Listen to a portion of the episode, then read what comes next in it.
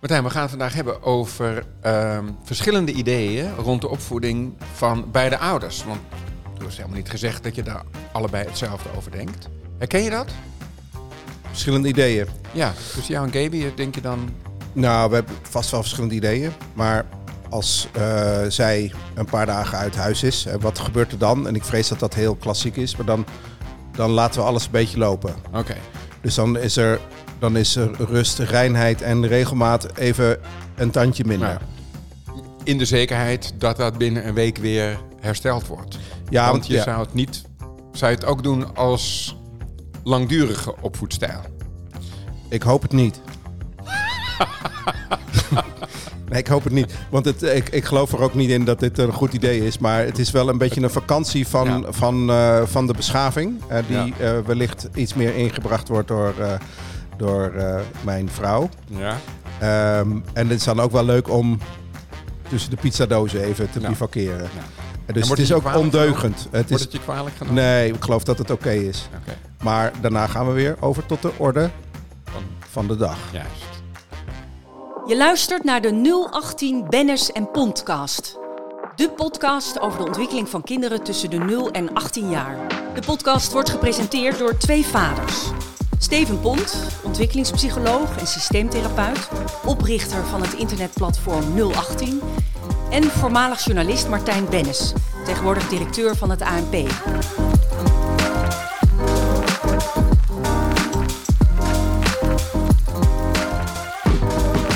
We draaien hem een keertje om, eh, Steven. Ja. Heb jij misschien een quote over dit onderwerp? Zeker. Ik heb die van mijn oude leermeester Joep Choi. Eh, bij wie ik de opleiding tot systeemtherapeut heb eh, gevolgd. En die zei, als allebei de ouders precies hetzelfde zouden doen... dan kon je een van beide ouders wegens overcompleet ontslaan. Ja, Wat vind je daarvan? nou, dat snap ik heel goed. Als je precies twee dezelfde mensen hebt, eh, dan, heb, dan kan je misschien de taken nog een beetje verdelen of zo. Maar Ja. dus dit onderwerp is volgens mij interessant omdat het gaat over verschillen in opvoedstijlen, die zowel te klein als te groot kunnen zijn. Zeker. Dus het is de balans. Het is de balans. Dus- Kijk, het is ook goed. Hè, dus wat is de grootste voorspeller of een meisje van vijf bang is voor spinnen? Dat is als de moeder bang is voor spinnen. En als dat haar hele wereld zou zijn, is. Maar als er ook nog iemand anders is die dat niet, dan eh, denk je, kind, oké, dus je kunt er zo op reageren en je kunt er ook zo op reageren. Dus eh, dat er altijd een beetje verschil is, eh, is prima. Maar zoals je terecht zegt, we gaan even op zoek naar de grenzen daarvan. Ja, en misschien wel naar de optimale gezamenlijkheid in de opvoeding. Hè? Dus optimaal verschil. Ja, Eh, dat zeg we, je mooi. Optimaal verschil. Ja, dus eh, als we daar terecht kunnen komen, dan is deze podcast eh, wederom geslaagd. Oké. Laten we eerst eens even een extreme situatie bestuderen. Twee opvoedstijlen die, die, die absoluut botsen, maar ook echt niet goed zijn voor de kinderen. Ja. Schets eens zo'n situatie. Nou, bijvoorbeeld een eh, wat eh, heftige vader, een autoritaire vader. En een wat permissieve moeder. We hebben het over de opvoedstijlen gehad in een andere. Misschien moeten we ze nog even herhalen. Oké, nou je hebt de, de, de autoritaire, hè, dus dat is echt streng. Je hebt aan de andere kant de permissieve, dus die zijn wat grenzelozer. Je hebt de verwaarlozende, nou dan Daar ben je helemaal nergens mee bezig. ben je nergens mee bezig. En je hebt de autoritatieve, en dat is, eh, eh, er is een helder gebied wat acceptabel is en wat niet acceptabel is. En, dat zijn, en die grenzen worden liefdevol gesteld. Dus een soort mix tussen autoritair, hè? dus de- er zijn grenzen, maar die worden wel, je, je, je gaat niet schelden. Je gaat, en wat we bijvoorbeeld zien is dat een wat strengere vader, een wat permissievere moeder, die wat meer dingen toestaat. Eh, en dan krijg je iets wat we circulaire causaliteit noemen. En wat betekent dat? Hoe strenger de vader in de ogen van de moeder is, hoe meer zij de dingen loslaat. En omdat zij de dingen meer loslaat, voelt de vader zich geroepen om dan maar weer wat strenger te worden. En omdat die vader weer wat strenger wordt, denkt die moeder, ja, maar dit is wel, ik moet er weer gaan tegenhangen. Dus dan word je eigenlijk een klein verschil in het begin. Kan, als je het er niet over hebt, en daar komen we straks nog op, hè, kun je uiteindelijk in een, in een situatie terechtkomen waarin beide ouders heftiger in hun opvoedstijl zitten dan in de oorsprong, als reactie op de opvoedstijl van de Ja. ander. En we, ik- volgens mij was het podcast twee of drie dat we het over opvoedstijlen hebben gehad. Dus dat is even geleden. Ja. En als ik het goed heb, was, waren we het erover eens, of waren, zijn de geleerden het Ja. erover eens dat autoritatief, Ja. daar moet je zijn. Daar moet je zijn. Dus dan kunnen we al vaststellen dat als er verschillen zijn in opvoedstijl, dan moet dat in dat domein van autoritatief zitten. Ja. Is dat Dus correct? dat, dat is een goed kompas om te denken, oké, we zijn het hier niet over eens. En we weten dan waar, het kinder, waar kinderen het me- meest bij floreren. Eh, dus dan hoeven we het niet alleen maar uit onszelf te halen. Van wie, wie gaat dit potje armdrukken winnen? Dus wie krijgt gelijk en dan moet de ander het onderspit delven. Er is kennis over eh, wat dan een betere aanpak eh, is. Dus zowel het totale grenzeloze of juist het te streng, daar, daar, daar moet het een beetje eh, tussenin terechtkomen. Ja, want eigenlijk zeg je, als je dan toch één autoritaire ouder hebt, dan kun je misschien maar beter autoritair als opvoedstijl hebben dan dat je twee ouders hebt in allebei een extreem, eh, eh, met een extreme overtuiging, zeg maar. dat, dat, dat blijkt niet zo te zijn. Dus als er minstens één van de ouders autoritatief is, eh, dan gaat het meestal goed met die kinderen. Dus je kunt beter een autoritatieve hebben en een strenge dan een strenge en een permissieve die alles loslaten. En als je geluk hebt, heb je minstens één ouder die die tussenweg weet te vinden. Oké, als, maar als je echt geluk hebt, heb je twee ouders Ja. die allebei zitten in het domein van, van liefdevol streng, Begrenzen. liefdevol begrenzend. Ja. En wat kun je dan nog aan verschillen hebben? Eh, en wanneer zijn die productief? Wanneer zijn die goed om te hebben? Eh, nou, kijk, eh, die verschillen zijn goed als het niet de loyaliteit van de andere ouder aantast. Dus eh, stel, één ouder geeft het kind 5 euro zakgeld en de andere ouder geeft het kind 10 euro zakgeld. Dan voel je al dat eh, dat, dat geen goed idee is. Hè? Want dan maakt het plotseling uit van wie je zakgeld krijgt. Dat niet alleen. Eh, de ouder die 10 euro zakgeld geeft, krijgt meer voor elkaar bij het kind. Dat is nog tot daar aan toe. Maar de ouder die maar 5 euro geeft, die krijgt minder voor elkaar. Dus dat, dus dat wordt ingewikkeld. Die relatie tussen degene die 5 euro geeft en dat kind wordt dan belast eigenlijk. Met, eh, ja, maar waarom krijg je... Ja, jij, jij vindt mij maar 5 euro waard. Dus daar, dan wordt het giftig. Dus dan wordt het echt eh, giftig. Aan de andere kant, als bijvoorbeeld... En dan gaan we even helemaal aan... Als de ene ouder muzikaal is en de ander niet... Of de ene vindt sport heel leuk en belangrijk en de ander niet. Eh, en ik ga met mijn eh, zoon tennissen. Dan ben ik daar niet mee niet loyaal aan mijn partner. Sterker nog, dat lijkt me nou precies, Precies. de verrijking die je wil, toch? Wat, ja, waar jij net die mooie term van optimaal verschil aangaf. Ja. Dus dat is een verschil en dat is optimaal. Want dan krijg je dus een veel groter palet van het leven. Eh, want die ene ouder vertegenwoordigt dan de muziek en de ander bijvoorbeeld de sport. En, eh, maar dat is, dus dat is mooi, omdat je dan veel domeinen bestrijkt. Maar het wordt natuurlijk ingewikkeld op het moment dat het om regelgeving eh, gaat. Van hey, hoe gaan wij om met als eh, iemand te laat thuis komt? Hè, dus eh, is het dan gewoon, nou, dan mag je de rest van het weekend mag je niet naar buiten, zeg maar wat. Of, joh, we zien het door de vingers. En dan, dan wordt het een, een, een meningsverschil, laat ik het zo zeggen. En- Moet op dat vlak ouders één lijn trekken? Je hoort, je hoort wel eens, eh, en ik heb daar meteen ook een vraag over, eh, van nou, ouders moeten elkaar nooit afvallen. En dus eh, als ouder A iets gezegd heeft, Ja. dan neemt ouder B dat over. Ja. Is dat inderdaad gewoon de gouden regel of mag je ook wel eens iets ter discussie stellen? Ja, ehm, stel je hebt twee leidinggevenden op je werk. En, en er zit een totaal verschil in tussen wat die vinden, wat jij moet doen. Dan is dat ingewikkeld. Hè, dan denk je niet, ik heb twee goede leidinggevenden. Dus je wil een soort eenduidig verhaal van je leidinggevenden. Van nou, we gaan het zo doen. En zij knokken dus een beetje in hun directiekamer het uit. En dan komen ze naar buiten en zeggen ze, nou, eh, we hebben dit besloten. En dat is wel een beetje de koninklijke route. Tegelijkertijd ehm, is, en daarom is het een ingewikkeld, maar daarmee ook leuk onderwerp, ehm, is het ook wel leuk voor kinderen dat ze merken dat daar lichte verschillen eh, tussen eh, zitten. Dus we gaan dat doen. Ja, mama vindt het belangrijk dat de tuin op orde is, dus we gaan de tuin op orde maken. Dus dan Zeg je al dat ik ben er niet van, maar we doen het wel. ja, Dus dan weet je van, nou goed, eh, want dat doe je voor elkaar als, als, als, als iemand in het, die dat belangrijk vindt. Nou, dan is het informatie. Voor mij hoeft het niet zo, maar we gaan het wel eh, doen. En op dat moment eh, merk je dus die verschillen, die ze misschien sowieso wel merken. En dan is dat in een veilige omgeving, wordt dat besproken. Maar als jij nou, ik, ik maakte net een beetje een grapje van, hè, maar dus, als jij daar nou streng naar kijkt, hè, dus eh, eh, moeder is van huis een paar dagen Ja, en vader gaat, eh, gaat laat het lekker lopen. ja, Uh, die gaat dus eh, pizza bestellen Ja. en eten voor de tv en zo. ja. Dat, ben je dan eigenlijk een beetje de populaire vader aan het uithangen? Ben je, ben je een strijdje aan het voeren? Of is dit, wat, wat vind je hiervan? En als je een beetje streng ernaar kijkt. Nou ja, leading the witness, Your Honor. Als ik er streng naar kijk, Dan is het niet goed. dan... Hè, verdomme. In, in één keer goed. Ja. Nee, hè, dus, eh, maar het is ook het leven. Eh, je ouder, eh, als je kind 35 is en die denkt dan... oh ja, als mama dan een weekje op vakantie was...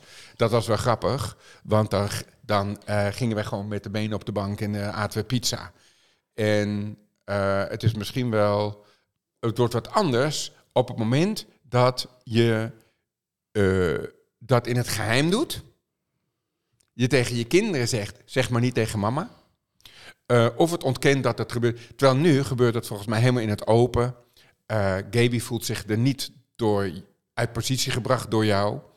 Eh, en dan is het ook natuurlijk een beetje het zout en het peper van het bestaan. De verschillen. Ja, ja, dan kan het weer uitgelegd worden als Ja. optimale Ja, verschillen. maar, de, maar zodra het je aan, vraagt aan loyaliteit door dingen, nou, da- dan, dan begint het wel te schuren.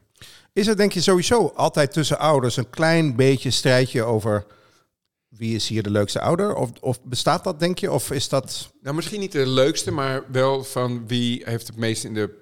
Hè, dus ik kan, best, ik kan me best Wou je voorstellen. zeggen melk te brokkelen? in de melk te brokkelen. Dat als je.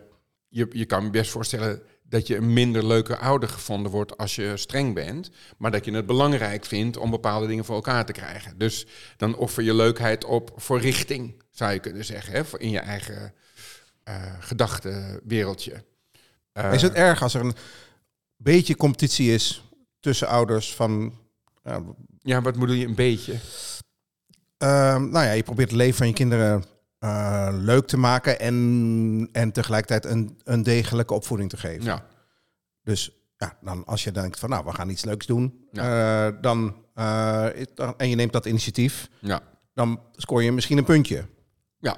Dus een beetje concurrentie is misschien ook goed in een opvoeding, of ga ik nu te ver? Ja, ik vind dat je te ver gaat. Ja. Want concurrentie sta je echt tegenover elkaar, maar je staat natuurlijk schouder aan schouder en daarin kun je elkaar dingen gunnen. En eh, denken, nou, nu, jij even dat of ik even dat. Maar het kan niet zo zijn dat er een soort competitie bestaat van ehm, eh, de leukere eh, ouder. Want dan kom je snel in ingewikkeld gebied terecht. Bijvoorbeeld op het gebied van grenzen stellen. Eh, hè, dus als we het er even vertalen naar je twee leidinggevenden, en je merkt dat die om jouw gunsten aan het dingen zijn en de andere leidinggevende afvallen. En zegt, nou zeg dat maar niet tegen Hans hoor. En Hans zegt, zeg dat maar niet tegen Mariette, dat, maar we gaan, het, we gaan het gewoon zo ja, doen. dan wordt het zootje. Dan wordt het een zootje. Ja. Dus, eh, eh, en, maar als Hans zegt, ja, Mariette vindt dat belangrijk, weet je wel, dus we gaan het, gaan het zo doen. Dat, je voelt al of Ja. er enige liefdevolle samenzwering in zit, of dat het echt is, ik tegen jou. Ja, precies. En daar komt ook nog bij dat heel veel ouders afscheid moeten nemen, soms in hun opvoedstijl, van de opvoeding die ze zelf genoten hebben. Dus eh, ik ben zelf ook streng opgevoed, ik ben er niet slechter van geworden. Hè, en en dat is wat ze kennen, dus dat ga je reproduceren. Want denk je, nou, dat is bij mij goed gelukt. En dan kun je een partner treffen die er allemaal wat losser in staat. En dan moet je dus niet alleen vanuit een soort van wat vind ik leuk, wat voor, hoe leuk vind ik het om zo en zo tegen mijn kind te doen. Maar wat ik ook wel meemaak, is dat als bijvoorbeeld vaders dan wat makkelijker zijn ten opzichte van hun kind, dat opa zegt: Wat ben jij voor slapjanus? Ja. Hè? Dus eh, want je moet ze gewoon wat harder aanpakken, zoals ik jou heb. eh, dus je voelt ook nog eens die druk van de generatie voor je, die jouw opvoeding ook weer gaat wegen en gaat vergelijken met de opvoeding die zij zelf aan jou hebben gegeven. Dus jij doet er eigenlijk heel goed aan om als je een partner kiest om ook een indruk te vormen over hoe die is opgevoed misschien. Zeker, zeker. En misschien ook wel om, eh, hè, want iemand kan een hartstikke leuke partner zijn, maar eh, dat de problemen komen op het moment dat er onvoldoende is bekeken van, hey, zijn de ideeën over de opvoeding ook wel ongeveer, ongeveer een beetje overeenstemmend of niet? Ja, en dat brengt mij op een eh, gedachte. Eh, We zitten nu ook in de formatie van een regering. Kun je als ouders ook een soort opvoedpact sluiten? Dat je zegt, dit is een beetje zoals we het gaan doen. Is dat een goed idee om daar eens gewoon heel expliciet over na te denken? Nou, ja, maar je, net als in, een, eh, in zo'n besluit eh, gebeuren er altijd dingen daarbuiten eh, die niet beschreven zijn. Maar het gaat er denk ik vooral om, eh, wat ik net zei, dat je bereid bent om dingen te doen. Dat je zegt, oké, dat is belangrijk voor jou, eh, prima. En omgekeerd ook. En dat die balans er een beetje eh, is. In, anders dan, je moet het bij mij bevechten. En alleen als ik helemaal verlies, dan gaan we doen wat, wat jij wil. En dan, maar dan ben ik in verzet. Dus het, het gunnen van dingen die de ander wil, is daar wel een belangrijk onderdeel eh, van. En de olie in de machine is natuurlijk liefde, waarin je en vertrouwen dat eh, je moet ook accepteren dat jouw mani- ni- manier niet de enige manier is. Dus dat, eh, en als het toch een beetje hoekig wordt, kun je altijd eh, bepaalde hypothesen twee weken uitproberen. Dus zeg van ja, maar ik vind dat gewoon belangrijk. Voorbeeldje misschien? Ehm, dat, ehm, eh, nou, bijvoorbeeld naar, eh, eh, naar bed gaan. Ehm, eh, jij vindt dat half acht heel belangrijk. En volgens mij haal je half acht ook door het gewoon liefdevol te doen. Maar je bent zo hoekig. Weet je wel, je bent zo. nee, maar anders lukt het niet. Weet je wel? Ja. Oké, nou, probeer het althans eens om. Eh, en misschien betekent het wel dat je een kwartiertje eerder moet beginnen. Maar dan ligt je kind wel liefdevoller in bed dan dat je dat op de hele strenge manier eh, hebt eh, gedaan. Dus om het, dat hele opvoeden is ook een beetje intelligent vooruitstruikelen. En dat is wel leuk om het dan met z'n tweeën op die manier te doen. En dus meer schouder aan schouder dan in competitie. Ja, precies. En je geeft nu ook aan dat, het, dat je ook elkaar daar een beetje in kan begeleiden. Ook weer op een liefdevolle manier waarschijnlijk. Ja, ja. Dus je kunt ook zeggen, ja, ik weet dat jij er anders over denkt, maar eh, zou je, ik, zou, ik vind het wel belangrijk als je me hierin steunt. Nou, ik hoor al, je komt er niet echt met een opvoedakkoord. Ehm, maar wanneer ga je nou hulp halen? Dus stel voor dat je zit in zo'n naar buiten eh, exploderend systeem van eh, Ja. dat je allebei eigenlijk in een extreem Extremer gaat zitten. bent. Ehm, dat lijkt mij een moment waarop je er zelf niet meer helemaal uitkomt. Ja, Is dat wat voor soort hulp zou je dan kunnen vragen? ja. Nou, de eerste, kijk, je hebt natuurlijk het ouderschap en daarboven ligt het partnerschap. En op het moment dat het ouderschap uit de bocht vliegt, dan doet dat ook iets met je gevoel op partnerniveau voor de ander. En op dat moment wordt het gevaarlijk. Dus er zijn mensen die uit elkaar gaan, omdat ze niet eens kunnen worden over de opvoedstijl. En de opvoedstijl en het partnerschap kun je dus eigenlijk niet loszien van elkaar. Dus je gaat minder waardering voelen voor de partner, voor de oude rol die de partner neemt. Nou, en op dat moment ga je natuurlijk op glad ijs eh, begeven. En op dat moment wordt het belangrijk, wellicht om er een derde bij te halen, niet als goeroe die vertelt, nou dit is het goede en dat is niet het goede. Maar hoe kun je hier nu gewoon communicatief op een bepaalde manier eh, mee eh, dit bespreken, zonder dat het de kwaliteit van het partnerschap schaadt. Want ehm, dat zie ik dan wel veel terug, moet ik zeggen, dat die oneenigheid, ehm, dat die heel erg escalerend werkt. Want het gaat natuurlijk om je kind. Hè? Dat, dat, de andere kant van het verhaal gaat niet over, zullen we hier nog een, een tulpje planten of niet? En op dat moment wordt een, eh, gespannen relatie, gaat naar een hele gespannen vorm van communicatie. En in een hele gespannen vorm van communicatie kom je niet meer bij elkaar. En dan is het goed om er iemand bij te hebben om dat te olieën. En om eh, ervoor te zorgen dat er weer eh, naar elkaar geluisterd wordt en dat soort. Ja, ja eh, eigenlijk zien we opvoeding als een onderdeel van een relatie. Ja. En als opvoeding niet goed gaat, gaat de relatie ook niet goed. Dan, dat, dus dan dat kom je ja, een beetje in relatietherapie uit. Met misschien extra aandacht voor, voor dat opvoedvraagstuk. Ja, ja want dat kan splitsend eh, eh, werken. En die splitsing kan dan ook weer betekenen dat je merkt, wat jij net, dat die competitie ontstaat. eh, tussen ouders, maar ook het kind daartussen komt. Dus dat er een soort strijd komt, wie van ons doet het nou het beste. Ja, en dat is dan niet goed voor de partnerrelatie. En daarmee is het ook niet goed voor het kind. Omdat een kind dan, net zo goed als op je werk, boven je een enorm veel spanning ziet tussen je twee leidinggevenden.